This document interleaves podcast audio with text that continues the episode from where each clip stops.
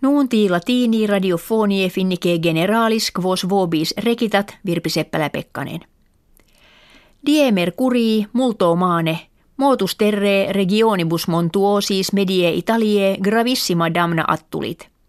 Pessime afflicta sunt oppidula accumuli amatrice arquata del tronto, inquibus ducenti quadraginta septem homines perierunt, et complures genteni vulnerati sunt. Quanta damna fuerint, quotve victime nondum pro kertoo constat. Estonienses anniversarium vigesimum quintum patrie jugosovietico liberate celebraverunt. Estonia jam pace dorpatensi independentiam obtinuerat, quam bello mundano secundo a misit, cum ad unionem sovieticam annexa est.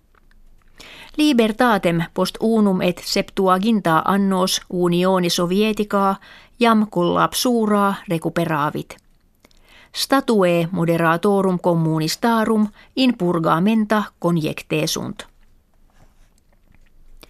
His decenniis glacies oceani arctici propter mutationem climatis valde minuta est.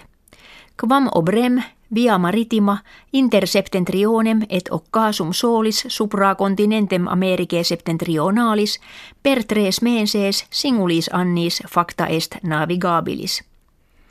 Primus quidem ea via jam anno millesimo nongentesimo sexto Roald Amundsen Norvegus navigavit. Nuper navis epibatica Crystal Serenity portu urbis Anchorage soluta est ut per fretum beringense et Grönlandiam usquivead neo eboracum navigaret. Illa navigatio prima trajectio commercialis eius itineris erit kirkiter milesesken torum kiliometrorum et triginta duos dies durare estimatur. In provincia hunan sinarum die sabbati pons apertus est cuius fundus ex unde kentum vitreis laminis translucentibus constat. Longitudine quadringentorum triginta et latitudine sex metrorum fauces montium junctiace superat.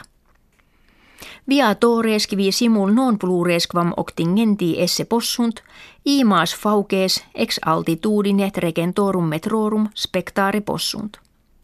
Singulis diebus numerus transgredientium ad octomilia limitatus est, et tessere additiales in antecessum reservande sunt. Architectus qui pontem designavit est haim dotan Israelianus. Magistratus sinenses diurnaris firmitatem pontis multis modis exempli gratia laminas vitreas malleo tundendo et autocarris pontem transvehendo demonstraverunt. Olympia estiva in Rio de Janeiro celebrata die Dominico ad finem venerunt. Finni ad ludos gregem quinquaginta quattuor atletarum miserant, qui in universum estimanti rem minus prospere gesserunt. Mira Potkonen mater familias triginta quinqueannorum in patriam unicum nomisma in pugillatione reportavit. Ne jaculoquidem, quo excellere solent finni meliore fortuna bantur.